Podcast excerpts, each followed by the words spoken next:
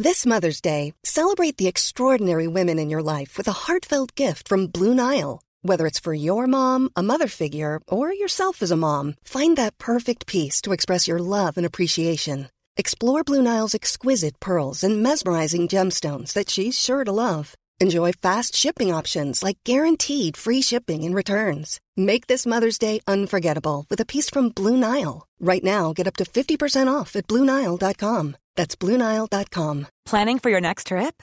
Elevate your travel style with Quince. Quince has all the jet setting essentials you'll want for your next getaway, like European linen, premium luggage options, buttery soft Italian leather bags, and so much more. And is all priced at 50 to 80% less than similar brands.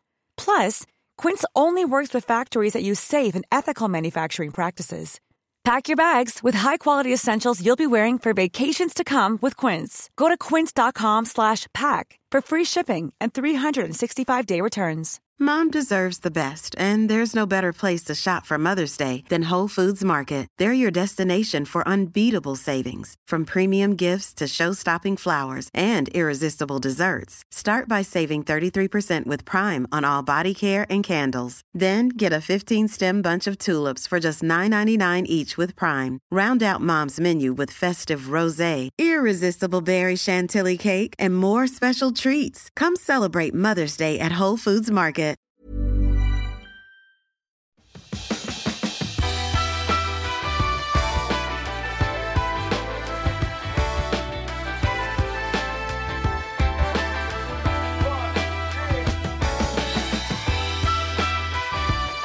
Hej och välkommen till Klimakteriepodden med mig, Åsa Melin. Sjukskrivningstalen talar för sig själva. Kvinnor mellan 45 och 60 är mer sjukskrivna än män i samma ålder och mer än yngre kvinnor. Vi vet att kvinnor arbetar ofta i slitsamma yrken som tär både fysiskt och mentalt. Vi vet också att vi är extra sårbara när vi går igenom vår relativt snabba hormonförändring i klimakterieåren. Och många får inte rätt hjälp om man ens söker hjälp och andra blir felmedicinerade. Mycket oro och onödigt lidande. Det finns statistik från England som dessutom visar att många kvinnor tackar nej till befordran, väljer att säga upp sig eller går ner i tid just kring övergångsåldern. Och det kan ju få stora konsekvenser för både arbetsgivare, samhället och framförallt kvinnan naturligtvis. Men dessutom så behövs vi kvinnor på arbetsplatserna. Vår kunskap, erfarenhet, rutin och klokskap är bara några skäl. Och nu har vi ny statistik från Sverige som säger att 40 procent av kvinnor känner oro för vad klimakteriet kommer innebära. 75 procent är inte förberedda på att komma i klimakteriet och 80 procent anser att det finns fördomar om negativa uppfattningar om kvinnor i klimakteriet. Och 60% anser att klimakteriet påverkar dem i arbetet. Jag har varit ute på många arbetsplatser och kommuner och föreläst om klimakteriet och det är tydligt att intresset ökar och det är väldigt glädjande att man ser vikten av att belysa kvinnohälsa och sätta fokus på klimakteriet. För det är så svårt att prata om och det är väldigt svårt för individen, alltså kvinnan själv, att förklara varför man inte riktigt känner igen sig själv och man blir mer stresskänslig, man oroar sig mer, svänger i humöret och sover sämre. Och det gör att man kan kan tappa självkänsla och det tär på oss otroligt mycket. Och det är lättare att kliva åt sidan för att slippa utsätta sig och man kanske blir nedstämd och tappar energi och kanske kan då en sjukskrivning kännas som en initial befrielse. Men med kunskap och rätt förutsättningar och stöd så kan vi stå kvar och känna oss stärkta även genom perioder i livet som kan vara utmanande. För klimakteriet är ingen sjukdom och vi blir inte sämre människor för att vi blir äldre, tvärtom. Och vad skulle alternativet vara? Att fortsätta ha okunskap och rykten kring det hälften av oss går igenom. Bara för att en del tycker att det är privat, pinsamt att prata om och kanske är rädda för att bli betraktade som potentiella problem. Jag är övertygad om att totalen av problemen blir mycket större och allvarligare genom okunskap. Att inte själv vilja prata om sitt klimakterium på jobbet, det är naturligtvis alltid okej okay. och det är inte ett måste att man ska berätta vad man har för klimakteriesymptom eller besvär. Men man ska alltid kunna vara trygg i att andra förstår om man vill dela sin upplevelse. Och det finns stöd för den som behöver, det ska alla veta. Kunskap om klimakteriet anser jag alltså vara en hygienfaktor som vi inte kan tumma på. På klimakteriepodden.se finns flera länkar som är intressanta för avsnittet. Missa inte dem. Jag är väldigt glad för att kunna dela det här avsnittet med inspirerande Maria Uggelberg som på ett klokt sätt ger oss mycket argument och tankar för hur vi ska kunna må bra på jobbet oavsett var i hierarkin man befinner sig. Så varmt välkommen att lyssna.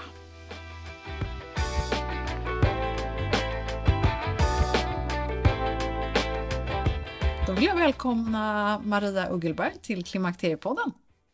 Tack så mycket. Hur känns det? Det känns jätteroligt att vara här. Ja, kul! Du, eh, du är ju ekonom och du har jobbat både som anställd och konsult och du är entreprenör och författare. Dessutom så coachar du kvinnor. Sen har du varit chef otaliga gånger också i din karriär. Eh, vad mer tycker du är värt att säga om dig? Nej, men jag har ju jobbat då, som du sa, med lite olika saker. Jag har min bakgrund inom produktion, design, inköp, där jag har jobbat som sortimentschef inom mode och inredning väldigt mycket. Jag har varit både anställd och jag har varit konsult, ibland bara varit inne tillfälligt och styrt upp saker eller varit anställd i flera år. Och jag har som sagt varit chef då i olika typer av organisationer. Men jag har också drivit egna varumärken och varit egen och eh, då därmed jobbat i både små och stora företag, så jag har sett det från lite olika håll. Mm. Och du har varit både chef och mellanchef och anställd så att du har liksom perspektivet från flera håll. Ja, och jag har jobbat med väldigt många olika typer av människor och chefer. Och ibland har jag också tagit lite pauser från det här vanliga arbetslivet och provat andra saker, varit i, med mina barn i Thailand, utbildat mig till yogalärare eller skrivit böcker. Så ja. jag har gjort lite olika saker. Ja, du har helt enkelt behövt ta paus från jobbet ibland. Ja, det är väldigt svårt att se klart vad man vill när man är mitt inne i en väldigt stressig period. Så det brukar vara mitt första råd faktiskt till kvinnor som jag coachar att ge sig själva en chans att eh, ta det lite lugnare ett tag så att hjärnan får en paus. Mm.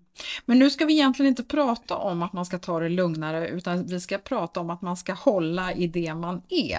För anledningen till att du är här idag är ju att vi ska prata lite grann om boken Allt är chefens fel. Och det är ju det vi vill ha som utgångspunkt. Det är ju det alla vill höra, eller hur? Nej, skämt åsido. Men eh, en av dina böcker heter så. Kan du inte berätta varför du skrev den här boken och vad det är du vill förmedla? Jag hade ju då jobbat i många år som chef som vi sa och eh, haft många chefer och började bli fascinerad över vad det är som driver människor och varför det kan vara så stor skillnad på att en person trivs väldigt bra på ett ställe men trivs inte alls på ett annat ställe. Och eh, jag hade ett tydligt exempel med en kollega som jobbade inom eh, HR faktiskt och eh, trivdes inte alls där vi jobbade tillsammans. Men sen träffade jag henne några månader senare när hon hade bytt roll till ett nytt bolag. Hon hade egentligen en liknande roll, gjorde ungefär samma saker. Men plötsligt så var det som att hela hon strålade och mådde så bra. Och Eh, det är roligt att intervjua sådana människor och förstå vad var det som var annorlunda? Varför mådde hon så mycket bättre nu i den här nya situationen? Så den typen av frågor började jag bli väldigt nyfiken på. Så jag började läsa allt jag kunde komma över om motivation och drivkrafter och självinsikt och självmedkänsla och allt sånt där.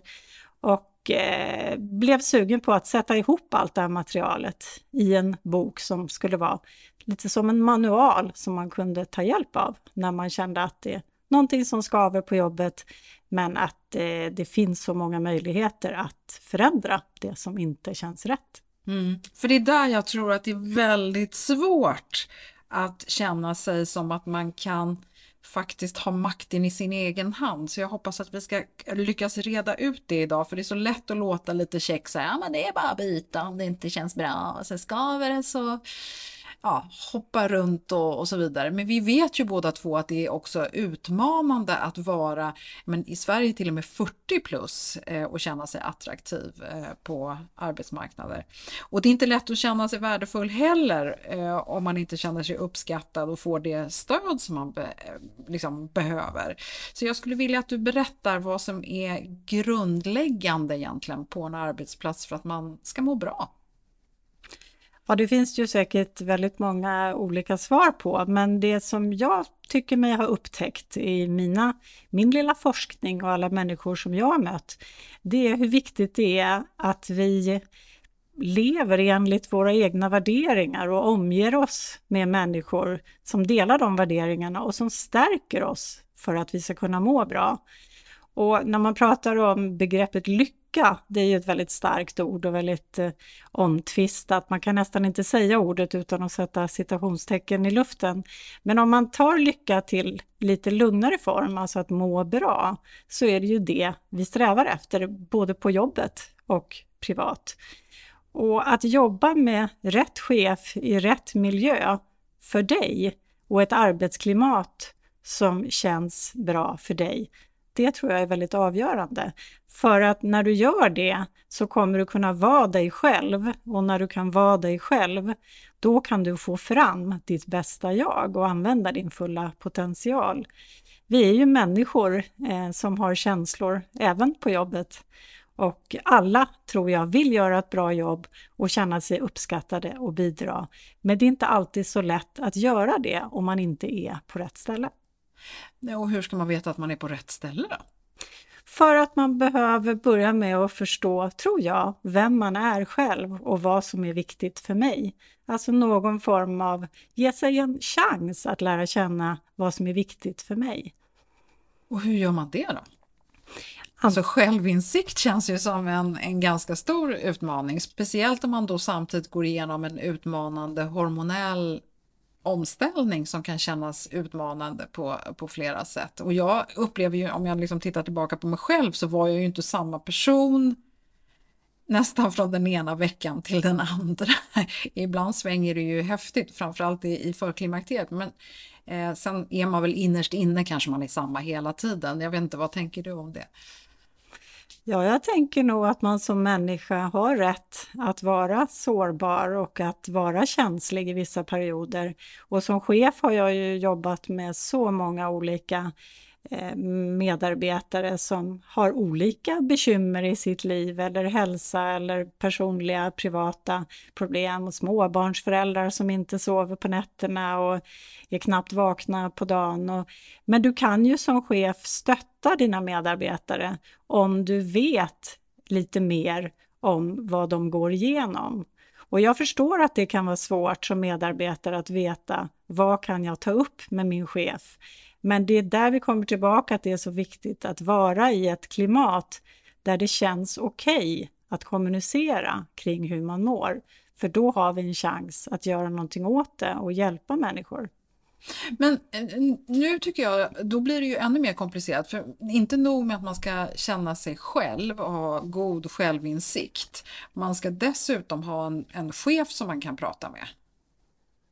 Ja, jag tror att det är jätteviktigt att man har det.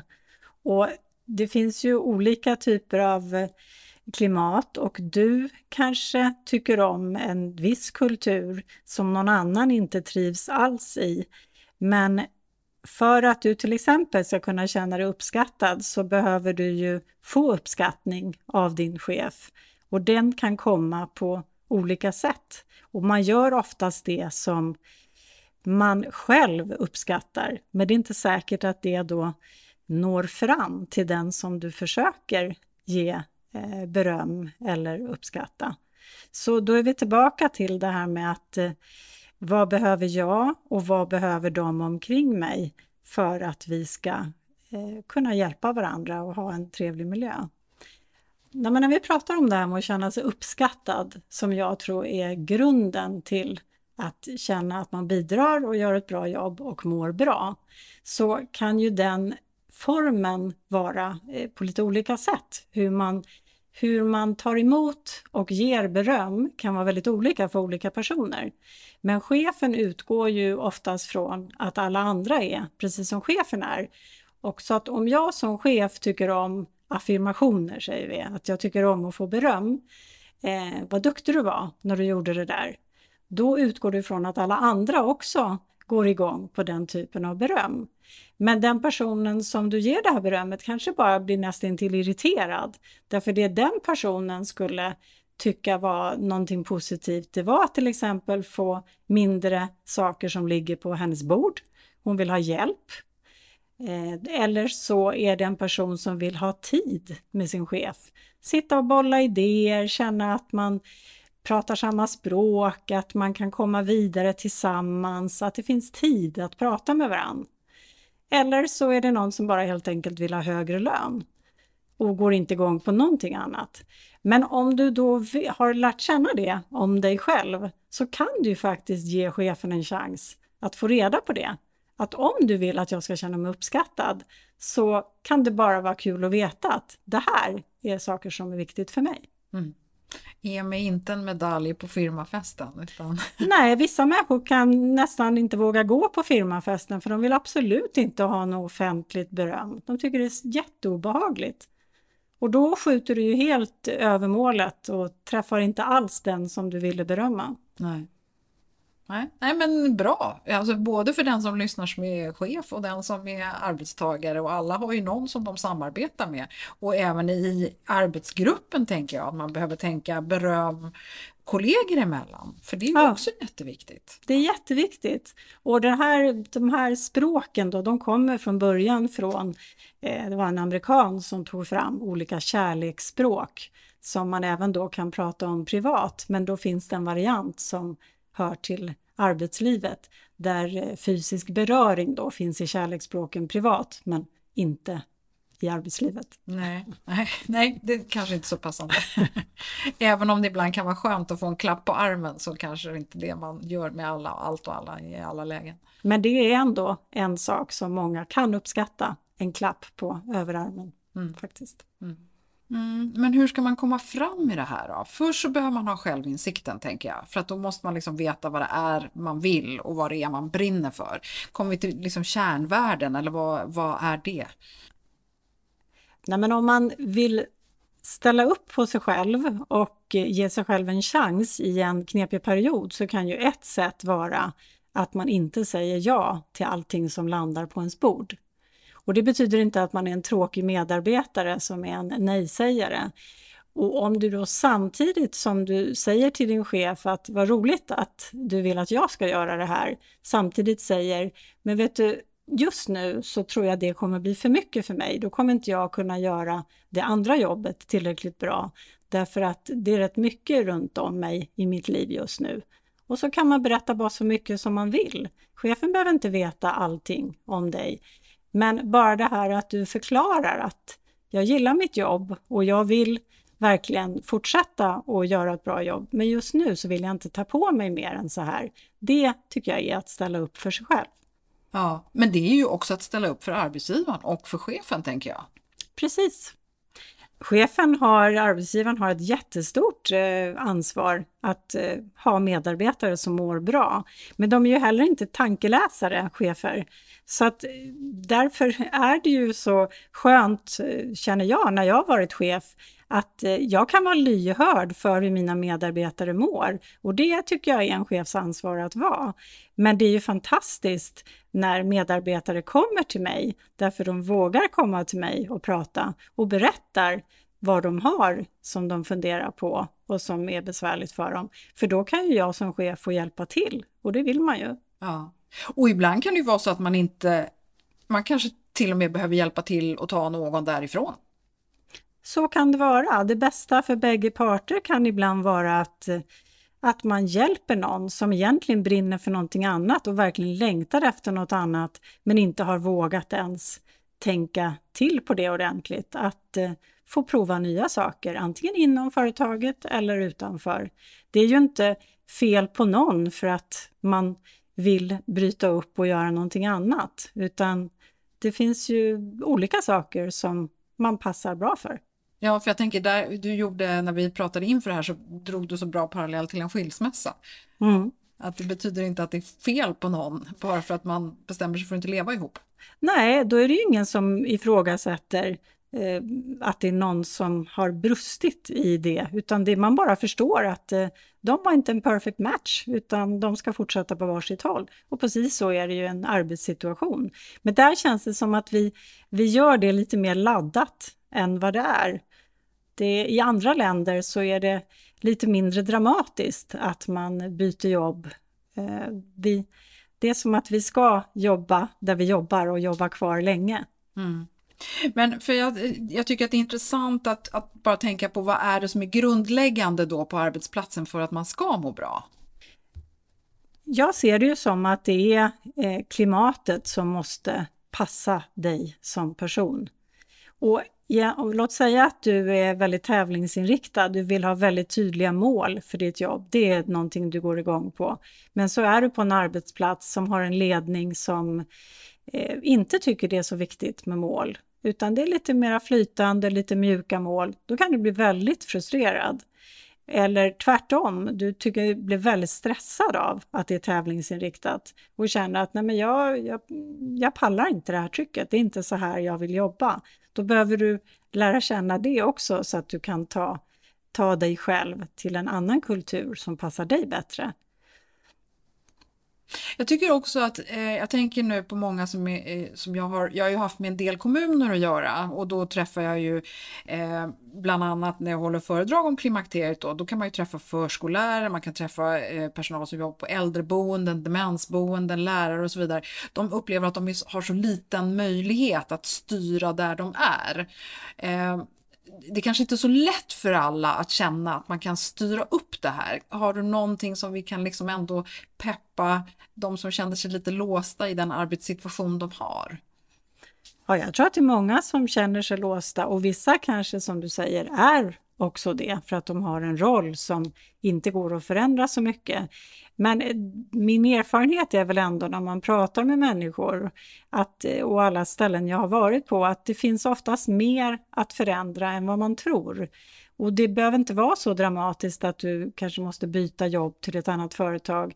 Bara att du sätter igång någon form av liten dialog kan göra att du kan förändra situationen där du är. Du kanske har någonting med kollegor att göra som inte känns bra eller arbetsgrupper eller arbetsuppgifter. Eh, om du berättar för din chef, beroende på nu då återigen vad du har för jobb, eh, men om vi säger att det är ett kontorsarbete så kan det ju hända att du brinner väldigt mycket för vissa arbetsuppgifter, men det vet inte dina chefer om, för du har aldrig sagt det, utan du får massa andra saker på ditt bord som du inte tycker är så spännande. Bara den informationen kan ju göra att du kanske kan dra dig åt ett håll som är arbetsuppgifter som du verkligen kan vara kreativ och eh, göra på ett bra sätt. Mm. Mm. Ja, kommunikation är det du vill komma tillbaka till känns det som.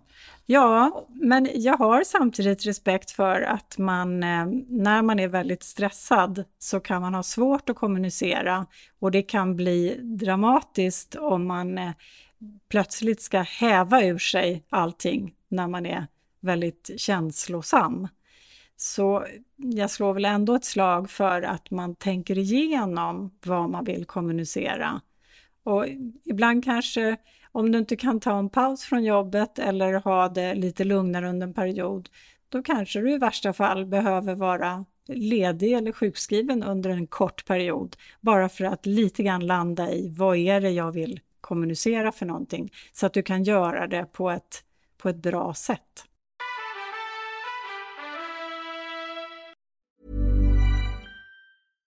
How would you like to look five years younger? In a clinical study, people that had volume added with Juvederm Voluma XC in the cheeks perceived themselves as looking five years younger at six months after treatment. Look younger, feel like you. Add volume for lift and contour in the cheeks with Juvederm Voluma XC. Reverse signs of aging by adding volume to smooth laugh lines with Juvederm Volure XC. For important safety information and to find a licensed specialist, visit juvederm.com. That's J U V E D E R M.com. Not for people with severe allergic reactions, allergies to lidocaine, or the proteins used in Juvederm. Common side effects include injection site redness, swelling, pain, tenderness, firmness, lumps, bumps, bruising, discoloration, or itching. There's a risk of unintentional injection into a blood vessel, which can cause vision abnormalities, blindness, stroke, temporary scabs, or scarring. Talk to a licensed specialist to find out if it's right for you.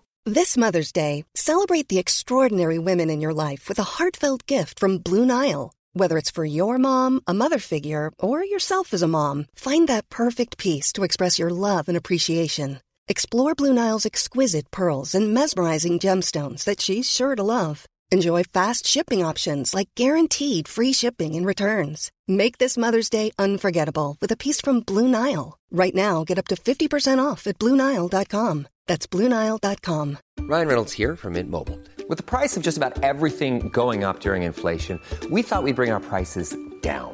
So to help us, we brought in a reverse auctioneer, which is apparently a thing. Mint Mobile unlimited premium wireless. Ready to get 30, 30, bit to get 30, bit to get 20, 20, 20, bit to get 20, 20, bit to get 15, 15, 15, 15 just 15 bucks a month. So, Give it a try at mintmobile.com slash switch. $45 upfront for three months plus taxes and fees. Promo rate for new customers for limited time. Unlimited more than 40 gigabytes per month. Slows. Full terms at mintmobile.com.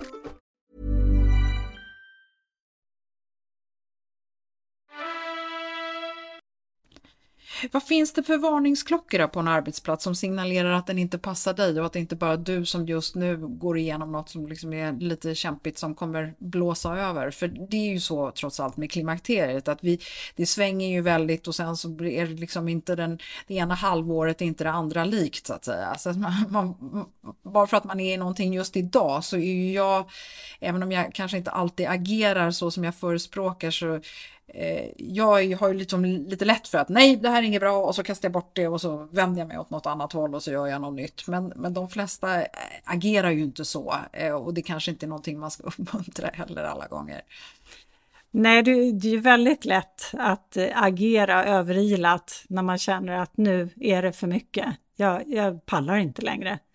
Eh, och det är ju väldigt eh, mänskligt att man känner så att så här vill jag inte ha det, nu måste jag ändra på någonting. Men det är väl oftast ett råd man vill ge till folk att ibland så kan man tänka massa saker men man behöver inte agera. Att eh, var försöka vara lite mer rationell mitt i allt det känslosamma och tänka jag får känna det jag känner men jag behöver inte agera på det jag känner. Men på frågan när det inte fungerar, alltså när du börjar känna att till exempel jobbet eh, är så stressigt så att du tänker knappt på något annat än jobbet, eh, även på nätterna, och det tar alldeles för mycket fokus och del av ditt liv, då är det dags att börja fundera på om det är så här du ska fortsätta att ha det. Och oavsett vad det beror på så är du ju värd att tänka efter på hur du ska, kan göra din situation bättre än vad den är nu. Mm. Och vågar man prata med sin chef och säga att jag trivs inte, det här funkar inte, jag är så stressad nu så jag håller på att krevera utan att man blir bortkollrad eller så. Ja, då är vi tillbaka till vad har du för chef och i vilken kultur ja. jobbar du? I en bra företagskultur så kan du absolut säga det. Det vill du som chef veta. Hur ska du annars kunna hjälpa till? Och då får du också som chef förståelse för Jaha, det kanske var därför hon har agerat på det här viset, men vad skönt. Då kan vi försöka tillsammans och hitta en lösning. Men om du är i en situation där du inser att om jag säger det här så kommer jag bli av med jobbet, då är du ju inte i en plats där det kanske ens finns en chans att må bättre. Och då får man ju försöka reda i den situationen så gott det går med de förutsättningar som finns. Mm. För du kanske inte bara kan gå därifrån för du behöver ha ditt jobb och du kanske till och med gillar ditt jobb, men även om situationen är ohållbar. Mm. Du, eh, om man tänker så här att man ska lyfta frågan då eh, om klimakteriet utan att man riskerar att man är, blir en sån här sämre människa eller en, en arbetskraft som inte är någonting att lita på. Hur, hur, kan man göra det här? För i mitt eh, försnack här har jag ju varit väldigt tydlig med att jag tycker att det är viktigt att man förstår vad klimakteriet är, att vi kvinnor ska ha, liksom, ha det utrymmet, vare sig vi vill prata om det eller inte så ska vi kunna nästan förvänta oss av att varje arbetsplats har någon form av basal kunskap om klimakteriet och vad det kan innebära för individen. Ja, det är väl en väldigt bra start att mer information kommer ut. Så kanske kan du också på en arbetsplats eh, försöka slå ett slag för att du ska få mer information som går ut. vi pratar inte om något, någon konstig sjukdom här. Det är ju en det är faktiskt väldigt märkligt att det finns så lite information där ute. Och jag tror att det skulle hjälpa enormt mycket för alla inblandade. Att bara få mer hjälp och guidning i vad det här är för någonting. Men du tror inte att det finns en risk att vi skapar en, en situation där arbetsgivarna börjar bli rädda för det här kvinnofolket som är i viss åldersspann? Nej, jag tror faktiskt inte det. Det det känns som vi har passerat den. Eh, vi har kommit lite längre. Det finns, alltså om, som chef så kan det vara så många saker som påverkar att du ska få ditt jobb gjort eh, och att din personal fungerar. Och att ha en mix av människor i olika åldrar är, tror jag alla är överens om är oerhört viktigt. Om det skulle vara ett problem att ta upp den här typen av frågor, då är det ju för att det saknas information. Så steg ett känns ju som att eh, vi måste ju våga prata om det. Nej men jag, jag tänker att ibland så kanske det kan vara en väg framåt att man inte själv är den som ställer sig på barrikaderna utan att man lierar sig med några kollegor och att man pratar om, har du, har du tänkt på att det pratas om klimakteriet nu i tid och otid? Och det är på, överallt i poddar och tv och böcker och föredrag. Och har du sett att den här kommunen gör ett arbete, har du sett det här föredraget? Såg jag på LinkedIn hade någonting. Då kanske man kan liksom lite grann försöka skapa ett, ett intresse eh, genom att koka ihop ett litet gäng och göra en liten terrorgrupp av det hela. Det är väl en jättebra idé. Och många företag har ju faktiskt ordentliga HR-avdelningar också. Så om du inte vill prata med din närmsta chef om det här så kan, finns ju andra vägar att gå i bolaget. Och det kan ju finnas dagar där man har seminarier och konferenser. Och, så det är väl ett väldigt bra drag att man pratar ihop sig och hittar en väg att sprida mer information. Mm. Du, eh, eh, titeln på din bok är ju eh, Allt är chefens fel. Hur kan det vara så? Och om det inte är så? Nej, men det är ju självklart en liten lek med ord med lite glimten i ögat. Men det som är allvar i det är att jag ändå står för att det är ledningen och i förlängningen styrelsen som sätter tonen och har ansvar för företagets företagskultur. Och eh, tidigare så kunde man ju skoja om företagskultur och säga att det är något som sitter i väggarna. Men eh, det vet vi ju att det är inte så där det sitter, utan det sitter i hur vi agerar, hur vi kommunicerar och hur vi beter oss mot varandra. Och den närmsta chefen du har är ju en förlängning av högre chefer. Så att hur ledningen styr uppifrån kommer att påverka hela vägen ner till dig. Och därför så säger jag att i grunden så är det chefens fel om det inte är ett trevligt klimat. Och det här med vad man har för chef, det är en stor sak för oss människor. Jag har en, eh, en väninna som har haft skönhetssalong till exempel. Och dit kommer ju folk och slappnar av och de pratar om sina äktenskap och sina barn och sitt boende. Men mest av allt pratar de om sin chef. Så vad du har för chef verkar vara en viktig sak. Ja.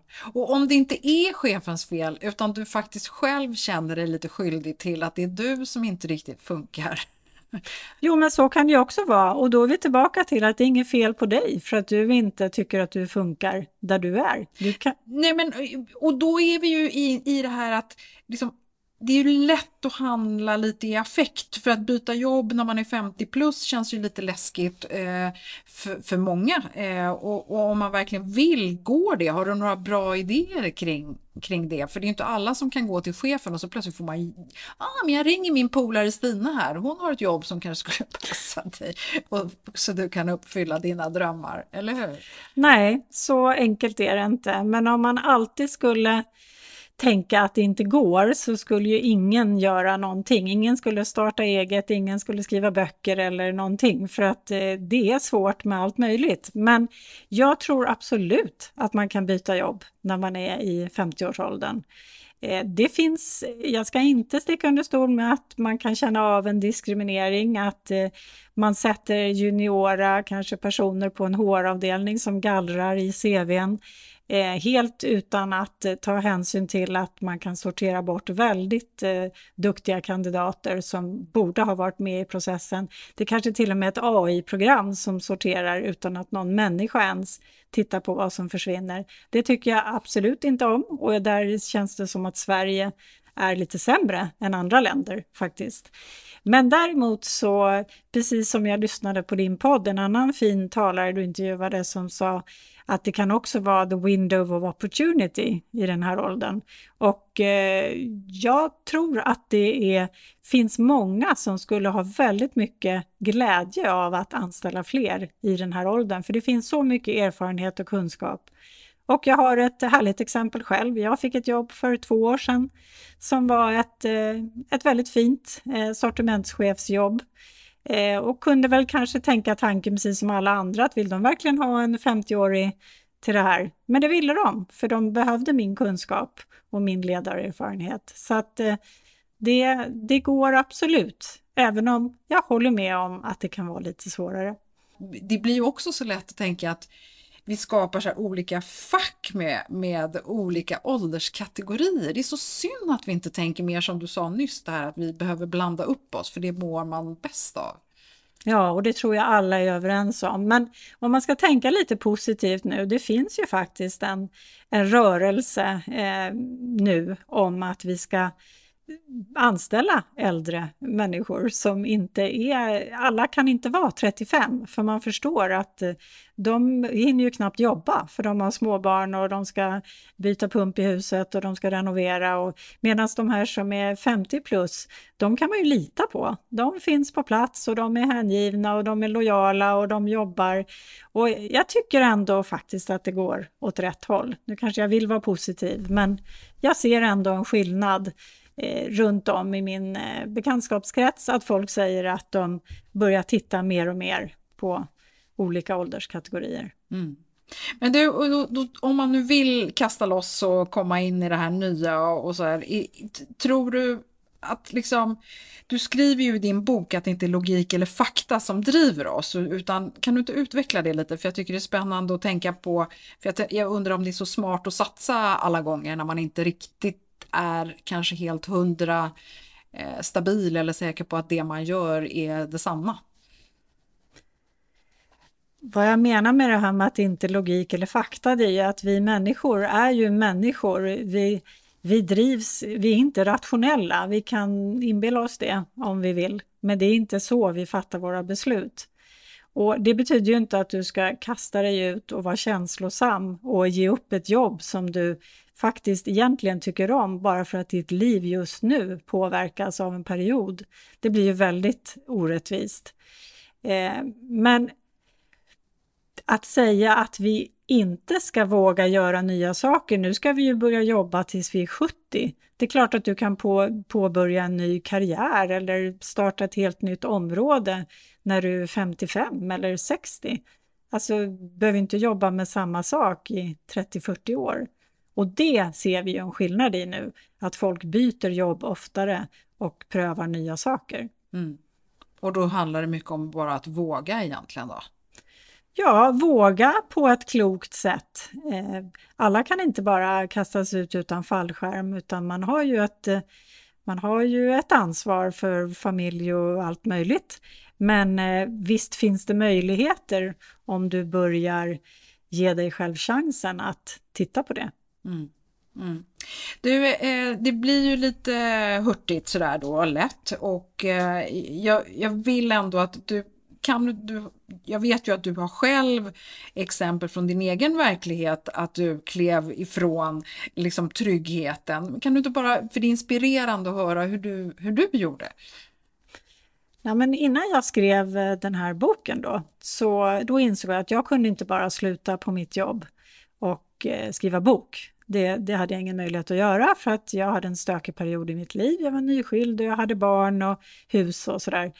Men jag tog en första period där jag var tjänstledig under några månader och åkte iväg och eh, tog det lite lugnare och fick hjärnan att eh, bli lite mindre överhettad. Och det gav mig i alla fall, det är olika för olika människor, men det gav mig en känsla för vad jag tyckte var viktigt här i livet och vad jag ville lägga mer energi på eh, efter det. Så sen kom jag tillbaka och fortsatte att jobba, eh, för jag behövde inkomst. Men jag hade ju då en plan. Jag visste att jag ville någonting annat. Jag ville ha en annan typ av roll som var mindre utsatt, mindre stressig, för att jag kände att jag var värd det. Och därför så kunde jag så småningom samla ihop lite pengar och eh, göra någonting annat med en annan typ av jobbtillvaro. Mm. Och sen har ju du också hittat olika andningshål i ditt liv. Kan du inte berätta, det är inspirerande med din yoga. Du nämnde tidigare att du blev yogainstruktör. Ja, det var ett sätt för mig som fungerar för mig för att eh, få lite lugn i själen och eh, kunna tänka mer klart. Det är väldigt lätt eh, att man hoppar över de saker i livet som man mår bäst av när man är väldigt stressad. Och det kan ju vara ett sätt att nästan skriva ner att det ska jag inte göra utan jag ska identifiera vilka saker som hjälper mig och får mig att må bättre och så göra mer av det. Och också träffa människor som du mår bra av mer än sådana människor som tar energi snarare än ger dig energi. Mm. Nej, men för jag känner så väl igen det där att det första som ryker i kalendern, det är ju det som har med, med självkärlek att göra egentligen, för det har man inte tid med. Den där tjejmiddagen hoppar man över och det där träningspasset hoppar man över och den där promenaden hinner man absolut inte med. Eh, och det sista man orkar är att bjuda hem sina bästa vänner för att det bara blir en sak till i kalendern som kan bort liksom. Ja, och det är inte rättvist. Och där kommer ju det här ordet självmedkänsla in. Att tänk dig att du behandlar dig själv så som du skulle behandla en fin vän du har.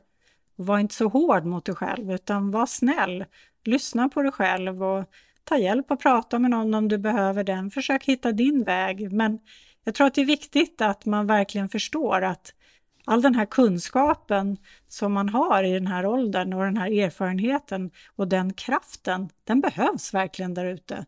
Så att man ger sig själv en chans att få bidra på ett bra sätt. Mm. Och det gäller ju oavsett vilken typ av arbete man har. Ja. För jag tror att många som lyssnar känner sig frustrerade i att de bara är en pusselbit som går att byta ut.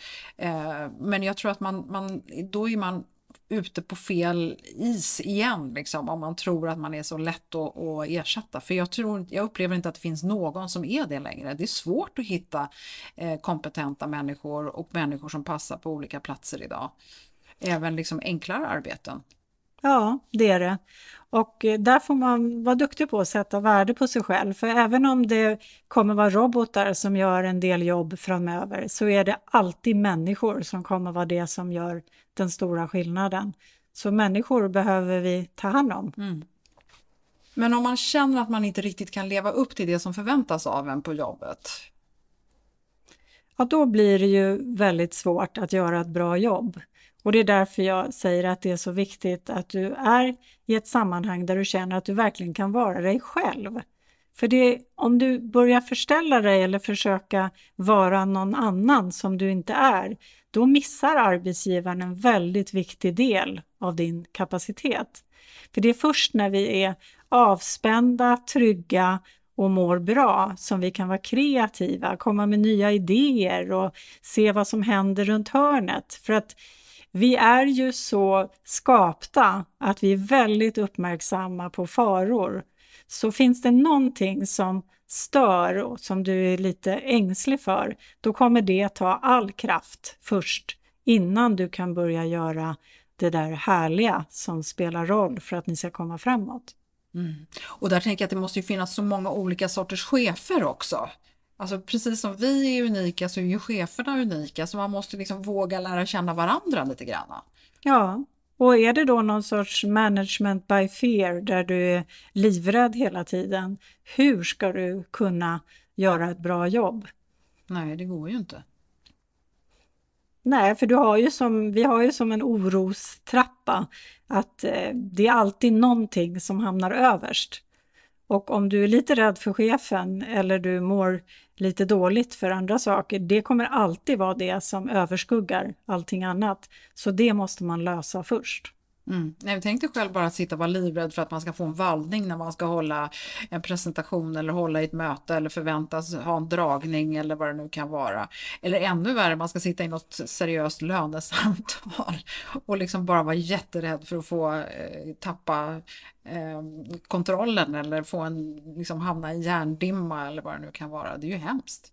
Ja, men det är ju bara en av alla saker som kan hända det finns ju massa saker som kan hända på en arbetsplats och det, om du blir så rädd för att det ska hända, då blir det ju väldigt svårt att vara trygg.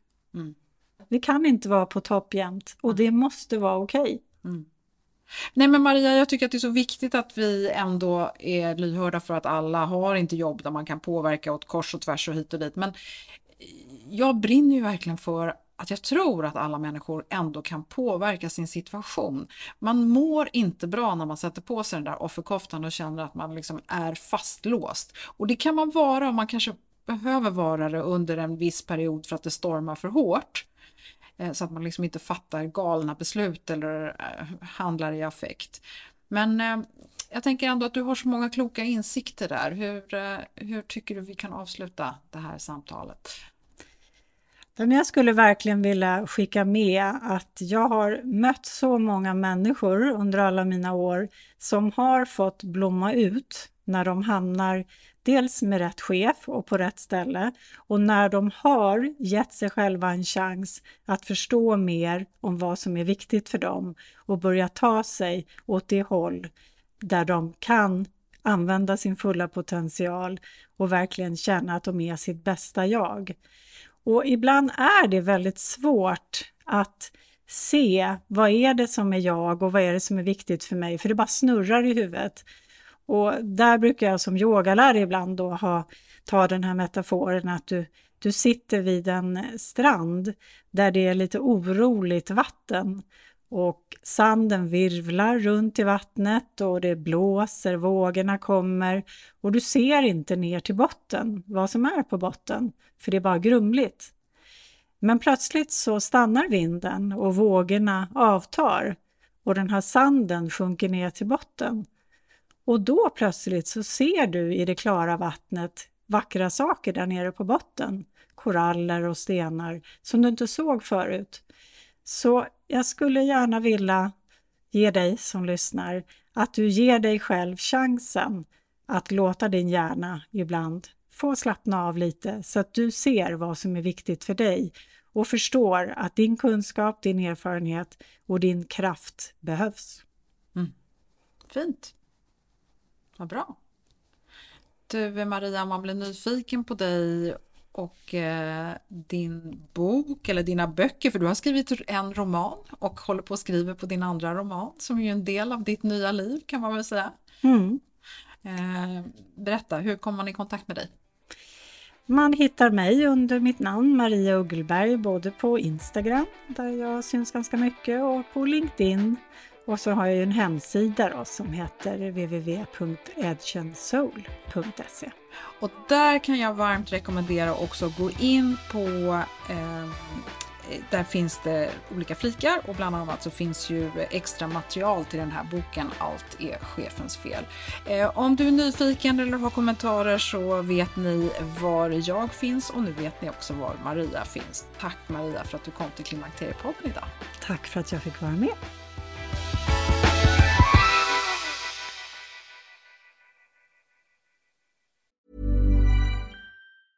Mom deserves the best, and there's no better place to shop for Mother's Day than Whole Foods Market. They're your destination for unbeatable savings, from premium gifts to show-stopping flowers and irresistible desserts. Start by saving 33% with Prime on all body care and candles. Then get a 15-stem bunch of tulips for just $9.99 each with Prime. Round out Mom's menu with festive rosé, irresistible berry chantilly cake, and more special treats. Come celebrate Mother's Day at Whole Foods Market. Hi, I'm Daniel, founder of Pretty Litter. Did you know cats tend to hide symptoms of sickness and pain? I learned this the hard way after losing my cat, Gingy. So I created Pretty Litter, a health monitoring litter that helps detect early signs of illness by changing colors, saving you money and potentially your cat's life. Pretty Litter is veterinarian developed, and it's the easiest way to keep tabs on your fur baby's health right at home. Go to prettylitter.com and use code ACAST for 20% off your first order and a free cat toy. Terms and conditions apply. See site for details.